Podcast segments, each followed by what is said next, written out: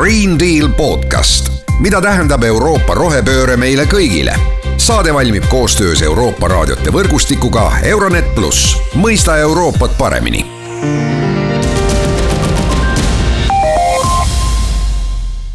tere, head äh, Green Deal podcasti äh, kuulajad, mina olen äh, saatejuht Mart Valner ja meil on täna teemaks poliitika. poliitika nimelt selle külje pealt, et kas me saame uskuda äh, edasi poliitikuid, äh, kes, äh, kelle otsuste pärast ja kelle otsustega meie oleksime teel liikumas nii-öelda rohelisemasse Euroopasse, me oleme vastu võtnud rohelepped, me oleme vastu võtnud rakenduka-, rakenduskavad nende täitmiseks, aga samal ajal noored näiteks ei usu enam poliitikuid või kas on niimoodi? mul on hea meel, et seda teemat ongi minuga täna avamas Tallinna Ülikooli poliit-, politoloogia lektor Nikolai Kõnitson, tere Nikolai! tere! No küsingi, äh, kas äh, noored on kaotanud usu poliitikatesse või poliitikasse, see vist on kaks mõnes mõttes erinevat küsimust isegi. jah, kindlasti need on kaks erinevat küsimust. Et äh, võib-olla alustaks sellest, et noored on osa ühiskonnast, et nad ei ole täiesti niisugune eraldiseisev grupp, et sama hästi võib äh, iga kuulaja küsida, et kas nad usaldavad poliitikat või poliitikaid, et mis on teie esimene mõte, mis tuleb teil pähe, kui teil üks hea sõber ütleb, et ta kandideerib valimistel. kas teil on hea meel, et näed, teeb õiget asja või te pigem mõtlete, et miks ta sinna läheb, eks ole et äh, on olemas põlvkondade vahel erinevused, aga poliitiline kultuur ühes riigis laiemalt, et noored ei ole sellest väga eraldiseisvad ja üldjoontes ongi maailmas selline trend, et igal pool usk poliitikutesse ja just poliitilistesse erakondadesse on üks madalamaid, mida inimesed usuvad. kõrgem on see Eesti puhul näiteks politseil või kaitseväel või kohtusüsteemil nii et kui me lähme edasi selle küsimusega, mis on hästi niisugune tegelikult sügav küsimus, et kas noored usuvad poliitikuid või poliitikat, siis üks asi on uskumine või sellised teadmised ja teine on nagu tegevus. et kui me vaatame selle peale, siis noored igal pool niisugustes demokraatlikes riikides aina vähem ja vähem osalevad. ja seda me kutsumegi niisuguseks osalemise paradoksiks et Eestis on äh, uuringute järgi noortel väga kõrged teadmised, kuidas demokraatia toimib, kuidas valimissüsteem toimib, mida peab kodanik tegema, aga nad väga ei osale ja miks, sest see on väga lihtne, et kui me räägime klassikalisest sellisest osalemist, näiteks valimistel käimine, petitsioonidel allkirja panemine, siis see on väga lihtne. aga tänapäeval need osalusvormid on juba kordades keerulisemad, et kuidas me arvestame seda, et keegi on sotsiaalmeedias poliitiliselt aktiivne, kuidas me arvestame seda, et keegi poliitilistel kaalutlustel ei tarbi mingeid äh, tooteid, eks ole, et selline mittetraditsionaalne osalus, seda on palju raskem mõõta nii et kas noored äh, usuvad poli-, poliitikuid või poliitikaid, et see on keeruline küsimus, sest oleneb, kellega me võrdleme, eks ole. kui me võrdleme täiskasvanud inimestega, siis väga suurt vahet ei ole. kui me võrdleme näiteks Lääne-Euroopa eakaaslastega, siis nad nii-öelda usuvad natukene vähem, nad ka osalevad natukene vähem, aga kui me võtame niisuguse meie regiooni, et kes, Kesk- ja Ida-Euroopa, siis siin on Eesti noored küllalt tublid, eks ole Mm -hmm. ja see muidu just tulenebki kõik sellest, et mida meedia kirjutab, milline on nende perekond, mida nende eakaaslased räägivad, mida erinevad vabaühendused teevad ning kindlasti on olulisel kohal ka kooli roll selles kõiges.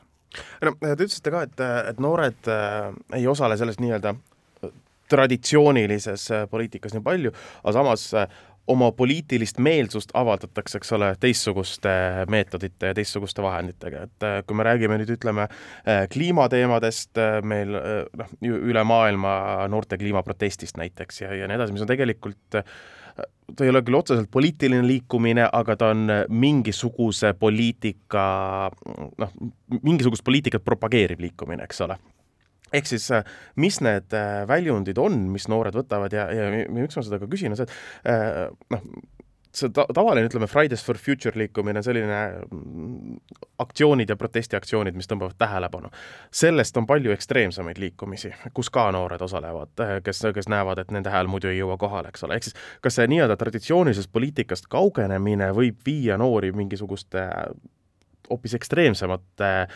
väljendusviiside ja ka võib-olla vaatepunktide juurde? No see on jälle väga niisugune hea ja keeruline küsimus, eks ole, et võib-olla võiks alustada sellest, et kuidas me defineerime, mis poliitika on. et eesti keeles ei ole häid termineid, aga klassikalises me mõtleme poliitika all võib-olla sellist päevapoliitikat või erakondade poliitikat, et mida peaminister ütles või opositsioonierakonna poliitik ütles. aga tegelikult poliitika niisuguses tänapäevases, ütleme, käsitluses postmodernses tähendab seda, et poliitika on kõikjal. et me ei saa ilma poliitikata olla. see, kas sa lähed ja ostad kohvi või teed, mõjutab, eks ole, et milline talunik kuspool maakera saab endale toidulauale midagi. nii et kui me võtame niisuguse natukene holistlikuma või terviklimu, terviklikuma lähenemise, et poliitika on igal pool ja kõikjal, siis võib öelda, et me kõik osaleme poliitikas, eks ole, et kas me jagame mingit videot sellest, mis Ukrainas toimub, kas me paneme internetis allkirja selleks, selleks, et Eestis põlevkivitööstus lõpetada, kõik sellised asjad, omavahelised chatid, mis noored kus nad räägivad, eks ole, sotsiaalmeedias, see kõik on ka nii-öelda osa poliitikast. et aina rohkem me näeme sellist, ütleme,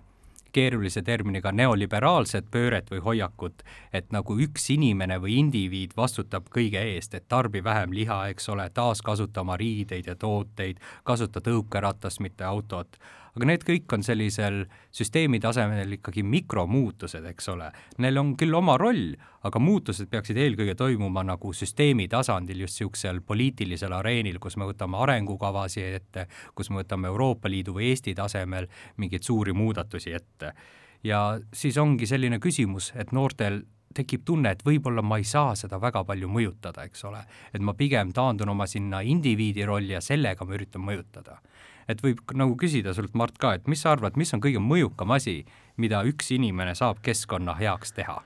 no see on, see ongi väga hea küsimus ja, ja ma ütleksin, et vastus sellele sõltub selle inimese positsioonist, sest et ütleme, peaministri või, või Europarlamendi liige saab oma ühe otsusega teha kindlasti palju rohkem, kui, kui saab tavainimene. aga loomulikult see ongi see äh, lähenemise küsimus, mõnes mõttes mina ütleksin, et äh, Äh, nagu ka kõikide muude otsuste puhul, äh, valimistel osalemine on kõige mõjukam asi, mida sa teha saad mõnes mõttes, teise külje pealt äh, loomulikult otseselt valimistel osalemine ei mõjuta keskkonda otseselt sama palju kui, ma ei tea, radika kaks kraadi äh, madalamaks keeramine, et see on niisugune väga, väga, väga kahe otsaga küsimus absoluutselt, ja siin ongi kaks asja, et noored on poliitiliselt aktiivsed, aga nendes mittetraditsioonilistes viisides. ehk lihtsustatud on see, et noored räägivad sotsiaalmeedias, eks ole, räägivad omavahel, aga kui on aeg valimistele minna, siis nad ei anna oma häält. Aga vanem põlvkond just mida eakamaks inimene on, kui tal on see harjumus käia valimas, siis seda rohkem ta käib valimas ja siis tema niimoodi mõjutab otseselt poliitikat. aga vastuseks minu küsimusele ma just lugesin uuringut, mis tuleb välja, mis toob välja, et kõige rohkem saab inimene mõjutada sellega, et kuhu ta investeerib. näiteks pensionisammas, teine või kolmas või mingid fondid, et see on kõige mõjukam asi, kuidas üks tavaline nii-öelda indiviid saab mõjutada ehk siis vaadake, kuhu äh, teie pensionisammas teie raha investeerib põhimõtteliselt. absoluutselt, see raha omab väga pikka mõju, sest me kogume seda aastakümneid, eks ole, et mis firmasid me toetame, mis liikumisi me toetame. aga tulles tagasi selle radikaliseerumise juurde, siis me võime eristada nagu noori mitmesse erinevatesse kategooriatesse. et on need nii-öelda aktivistnoored, needsamad Fridays for Future või kes on õpilasesinduste, üliõpilasesinduste liidul, igal pool mujal. et neil on nii teadmised kui ka nad ka käituvad vastavalt siis teiselt poolt võib öelda, et on niisugused passiivsed kodanikud, keda ei huvita poliitika, keda ei huvita ühiskond ja kes jäävadki niisugusesse passiivsesse rolli, kellest osad võivad ka kindlasti radikaliseeruda mitme faktori koosmõjul. sama kehtib muideks ka nende aktivistide osas. aga suurem osa noori ja suurem osa ka täiskasvanud inimesed on nii-öelda valvekodanikud, ehk siis nad hoiavad ennast kursis, loevad aeg-ajalt lehte, räägivad sõprade-tuttavatega, aga nad aktiviseeruvad alles siis, kui tuleb neile mingi südamelähedane teema ja siis nad hakkavad selle nimel pingutama ja siis oleneb juba indiviidist, tema nii-öelda kasvatusest, mida me kutsume poliitiliseks sotsialiseerumiseks, et mida ta täpsemalt hakkab tegema, et kas ta saadab Jüri Ratasele või Kaja Kallasele kirja, kas ta kuskil internetis teeb midagi, kas ta läheb tänavale, et need ongi nii-öelda enamus, suur osa inimesi ongi nii-öelda valvekodaniku rollis mm. -hmm. või siis läheb ja paneb äh seob ennast puu külge, eks ole, või teeb mingisuguse äärmiselt ekstreemse järgmise sammu, aga noh, see on muidugi vähemus, silmapaistev vähemus, eks ole, nagu ikka. aga see on, see ongi osa laiemast poliitilisest kultuurist, mis Eestis on, et kui arenenud on meie kodanikuühiskond, mida me peame legitiimseks käitumiseks või mida mitte, et tuletame meelde, et Eesti on olnud iseseisev siin napilt üle kolmekümne aasta, eks ole, et sisuliselt tegelikult meil ei ole veel arenenud välja täiesti toimivat head kodanikuühiskonda, nagu mõnes ma ei taha öelda rohkem arenenud lääne demokraatias, aga mõnes riigis, kus demokraatiad on kauem olnud mm. -hmm. no aga kui me räägime sellest, et äh, kuidas me mõjutame kõige rohkem suuri keskkonnaliikumisi, suuri keskkonnamuudatusi, siis äh, noh, Euroopa tasandil äh, toimub see läbi Euroopa Liidu direktiivide, see plaanide kokkulepet, noh, me räägime siin Green Dealist, Fit for fifty five'ist, õiglasest üleminekust sealjuures ja nii edasi ja nii edasi ja nii edasi. Need kõik on poliitilised otsused. Kui noored või üleüldse inimesed siis ei usu poliitikuid enam nii palju, kas nad saavad uskuda või kas nad usuvad sellesse, et need suured poliitilised otsused muudavad äh,, muudavad maailma paremaks, et need on õiged otsused ja noh, tegelikult ka, et kas neid üleüldse nii-öelda ellu viiakse, eks ole jah, no see on, siin küsimus on jällegi kaks poolt, et üks on see uskumise osa ja teine on nagu tegutsemise osa. et oleks vaid maailm nii lihtne, et kui me teame midagi, et kui meil on teadused, siis me tegutseme ka vastavalt et me kõik teame, et peaks tervislikult toituma, eks ole, vähem võib-olla alkoholi jooma ja trenni tegema, aga teadmisest ainuüksi ei piisa, peab ka tegutsema. ja tihtilugu ongi olukord selline, et me teame, mis on keskkonnale halb, me teame, mis käitumisviisid on keskkonnale halvad või head, aga me käitume hoopis teisiti. Nii et me peame vaatama natukene laiemalt seda, et mitte jääma ainult niisuguse teadmise või uskumise tasemele, et on vaja vaadata inimeste praktikat ja need praktikad tulenevad üldjuhul inimeste hoiakutest, nende väärtustest. ja kui me võtame korraks niisuguse laiema pildi, et on olemas hästi sellised tuntud teadlased, kes teevad maailma väärtuste uuringut, Inglehart ja Veltsel, ja nad on teinud seda juba aastakümneid ja nad panevad niisugusele täljestikule erinevad riigid ja nende niisuguse religioonikuuluvuse, aga mis meie jaoks on oluline, on see, et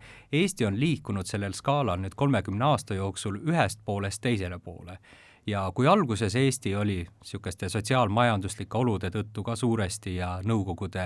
režiimi tõttu rohkem selliste ellujäämisväärtuste või materiaalsete väärtuste puhul, et peaasi on see, et mul on toit olemas, et ma tahan suuremat kodu ja paremat autot ja niimoodi, no kõik see, mida illustreeris väga hästi, et võidab see, kellel on surres kõige rohkem asju, siis nüüd me näeme, et aina rohkem oleme liikumas selliste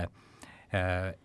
eneseväljenduslike väärtuste poole või niisuguse sallivuse, tolerantsuse, mitmekesisuse, soolise võrdõiguslikkuse, selliste väärtuste poole. et see nihe on tasapisi toimumas Eestis, aga see on ka väga vähe näha niimoodi seda on väga hästi näha erinevate põlvkondade vahel. et vanem põlvkond on tihtilugu sinna materiaalsuse poole kaldu, aga noorem põlvkond on rohkem selliste muude väärtuste poole kaldu. nii et ma arvan ikkagi, et noored usuvad, et need asjad saavad muutuse kaasa tuua, aga lihtsalt tulebki vaadata, et need reaalselt toovad muutused kaasa, eks ole et äh, muidu siin ei tasu üldistada, et noored ei ole nagu üks grupp, seal on ka nii-öelda erinevaid gruppe seal sees ja ka keskmiste, keskmise vanusega ja eakamates inimestes on erinevaid gruppe, aga üldine tendents on äh, sinna suunas liikumine. Mhm, noh, minu küsimusega võib-olla mõnes mõttes mõte oli see, et äh, kui sa ei usu äh, üleüldse poliitikuid või poliitikasse, siis äh, tekib niisugune trots ja nii-öelda vastupidi käitumine, eks ole, et noh, võib ju olla see, et ma ei usu, et noh, vaatame, mis neist saab, aga, aga, aga võib ka tekkida see olukord, et kui nemad niimoodi, noh, niisugune klassikaline, vaadates praegu veebikommentaariumi, eks ole, et kui Kaja Kallas niimoodi otsustas, siis see on halb otsus. noh, lihtsalt sellepärast, et noh, tema selle otsust, lihtsalt sellepärast, et poliitik tegi selle otsuse, on see halb otsus, eks ole. ehk siis inimesed hakkavad selle vastu töötama juba, kuigi noh, peab, peab ütlema, et ei ole ühtegi poliitikut, kes teeks ainult halbu otsuseid, eks ole. muidu just, aga see ongi see, et me ühiskonnas koosneme erinevatest gruppidest, igal grupil on omad huvid ja siis poliitikute üks niisugune töövõte ongi see, et nad mobiliseerivad siis erinevaid gruppe enda taha ja siis tekibki niisugune karjaefekt, et kui mingi sinule meeldiv poliitik ütleb ühte, siis sa usud seda, aga kui sedasama ütleks poliitik, kes sulle ei meeldi, siis sa ei usu teda. et niisugune laiem polariseerumine või niimoodi, et me usume ainult teatud infot, infot, see on äh, tänapäeval niisugune paratamatu nähtus, eks ole, ja küsimus ongi lihtsalt selles, et milles me suudame ühiskonnana kokku leppida. et pikalt meil on olnud kokkulepe, et niisugune liberaaldemokraatlik äh, mudel, kus me austame õigusriiki, kus me austame indiviidi õigusi ja äh, kõik on seaduses võrdsed, et see on nagu tasapisi võib-olla hakanud murenema, et me näeme, et on olemas ka teisi ühiskonnakorraldusi ja nüüd küsimus ongi see, et kas keskkonnateema jääb niisuguseks nišiteemaks või ta pigem läheb niisuguseks kõikehõlmavaks laiali teemaks, mille üle me ei hakka debateerima oma olemuselt. muidu siis me peaksime debateerima, arutlema selle üle, mis on erinevad lahendused, kuidas seda saavutada ja noh, tihti saatan peitubki nendes detailides. et kas või praegust, kui me vaatame nii-öelda Venemaa sissetungi Ukrainasse, et kas meil oleks mõistlik jällegi ikkagi põlevkivijaamad mõneks ajaks tööle panna, et saavutada kiiremini energiasõltuvus Venemaast. et seal on väga palju niisuguseid erinevaid nüansse, just see, ütleme, mitte strateegiaga taktikalisel plaanil, et kuidas me saavutame selle, kuidas me läheneme sinna, seal kindlasti tekib palju erimeelsusi mm. -hmm no minu äh, Sloveenia kolleeg äh, küsis äh, kohalikult äh, professorilt Tomas Deželani käest tegi temaga intervjuu ja, ja siis Tomas ehk siis kohalik poliitika. Professor ütles äh,, et uute tehnoloogiatega, lihtsustatult siis uute tehnoloogiatega on noored saanud väga hästi aru, et muutuste mõjutamiseks ja näiteks keskkonnateemaliste teavituse tõstmiseks on palju lihtsam suhelda ja tegeleda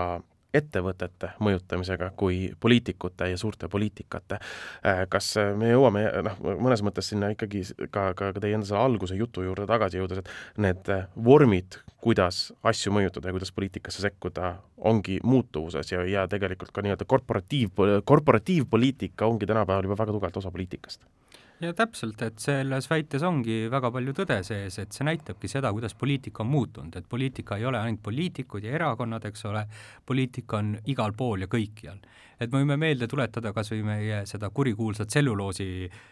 tehase juhtumit, eks ole. et alguses üritati midagi nii-öelda kardinate taga kokku leppida, aga kohe, kui see tuli avalikuks nii-öelda meedia kaudu, siis hakkasid toimuma erinevad protestid, erinevad liikumised, eks ole, inimesed tulid tänavale, valimised olid tulekul, et see kõik tõi kaasa muutuse. et see näitabki, et tänapäeval poliitikat saab teha igal tasemel, igat moodi, kas või survestades ettevõtteid, kirjutades kirju, mitte ainult nii-öelda traditsiooniliste valimistega aga mida tasub panna südamele, on see, et ikkagi valimised on niisugune poliitika A ja O. et kui me ei vali neid inimesi, kes esindavad meie väärtusi, siis keegi teine valib ikkagi, eks ole. et Eestiski on olnud juhtumeid, kus üks või kaks häält otsustavad selle, et kes pääseb parlamenti või kes ei pääse nii et ütleme, selliste firmade mõjutamise kaudu saab kindlasti mõjutada iseenda tarbimisotsustega, me näeme seda jällegi nii-öelda Ukraina sõja valguses, kuidas inimesed boikoteerivad teatud firmade tooteid, kes jätkavad Venemaal teenuse või toodete osutamist, et kindlasti sellel on oma mõju. oma mõju on ka nii-öelda meedial, eks ole, et millest me räägime, et meie üldjuhul nii-öelda politoloogidena ütleme, et meedia ei pane meid mõtlema seda, et äh, mida me mõtleme, vaid pigem ta paneb, annab meile jututeemad ette, nii-öelda agenda setting, et nüüd me hakkame selle peale mõtlema. aga see, kuidas sa otsustad, see sõltubki sinu nii-öelda eelnevast kogemusest ja ei tasu ikkagi unustada seda, et meil on ühiskonnas väga erinevad grupid, kellel on väga erinevad huvid, eks ole. et kui nüüd jälle ütleme siin elektri või gaasi hind tõuseb või meie bensiini hind läheb siin kahe euro ligi või sellest kõrgemale, et äh, inimesed ei pruugi aru saada, et need asjad ei ole omavahel seotud, aga nad kuidagi seostavad nad ise ära ja siis jällegi inimeste huvi niisuguste keskkonnateemade vastu võib väheneda. ehk siis me peamegi olema väga nii-öelda tasakaalukad ja leidma need mehhanismid, arvestades võimalikult paljude gruppide huviga. sest üldjuhul needsamad väärtused, millest ma enne rääkisin, et nende uuringute loojatel on selline teooria, et kõigepealt sul tuleb majanduslik heaolu ja siis alles nii-öelda väärtused hakkavad muutuma. nii et peabki mõtlema, et võib-olla selleks, et saavutada pikemat eesmärki, on meil kuhugi vaja alguses rohkem võib-olla panustada niisugusele sotsiaalmajanduslikule võrdsusele, sest noh, ebavõrdsus Eestis on üks suur probleem. üldjuhul, kui inimestel läheb majanduslikult paremini, siis neil on ka seda võimet Äh, olla nii-öelda empaatiat, empaatiat omada rohkem nii-öelda keskkonna ja muude taoliste teemade osas. ja see on niisugune Maslow püramiid, kui mul endal on hästi, siis ma mõtlen sellele, mis minu ümber ka toimub, aga peaasi, et ma kõigepealt ise olen äh, magatud, toidetud, kasitud ja nii edasi, eks ole mm,. täpselt nii mm. -hmm. väga hea, aga aitäh, Nikolai, täna tulemast, seda teemat avamast, rääkimast ja noh, loodame, et äh, usume poliitikasse ja poliitikat, poliitikutesse või mitte, vähemalt äh, nii noored kui ka ülejäänud ühiskonnagrupp on poliitiliselt aktiivsed ikkagi edasi. jah, et kas me usume või ei, poliitika toimub ikka edasi. kõike head, nägemist! Green Deal podcast, mida tähendab Euroopa rohepööre meile kõigile? saade valmib koostöös Euroopa raadiote võrgustikuga Euronet pluss, mõista Euroopat paremini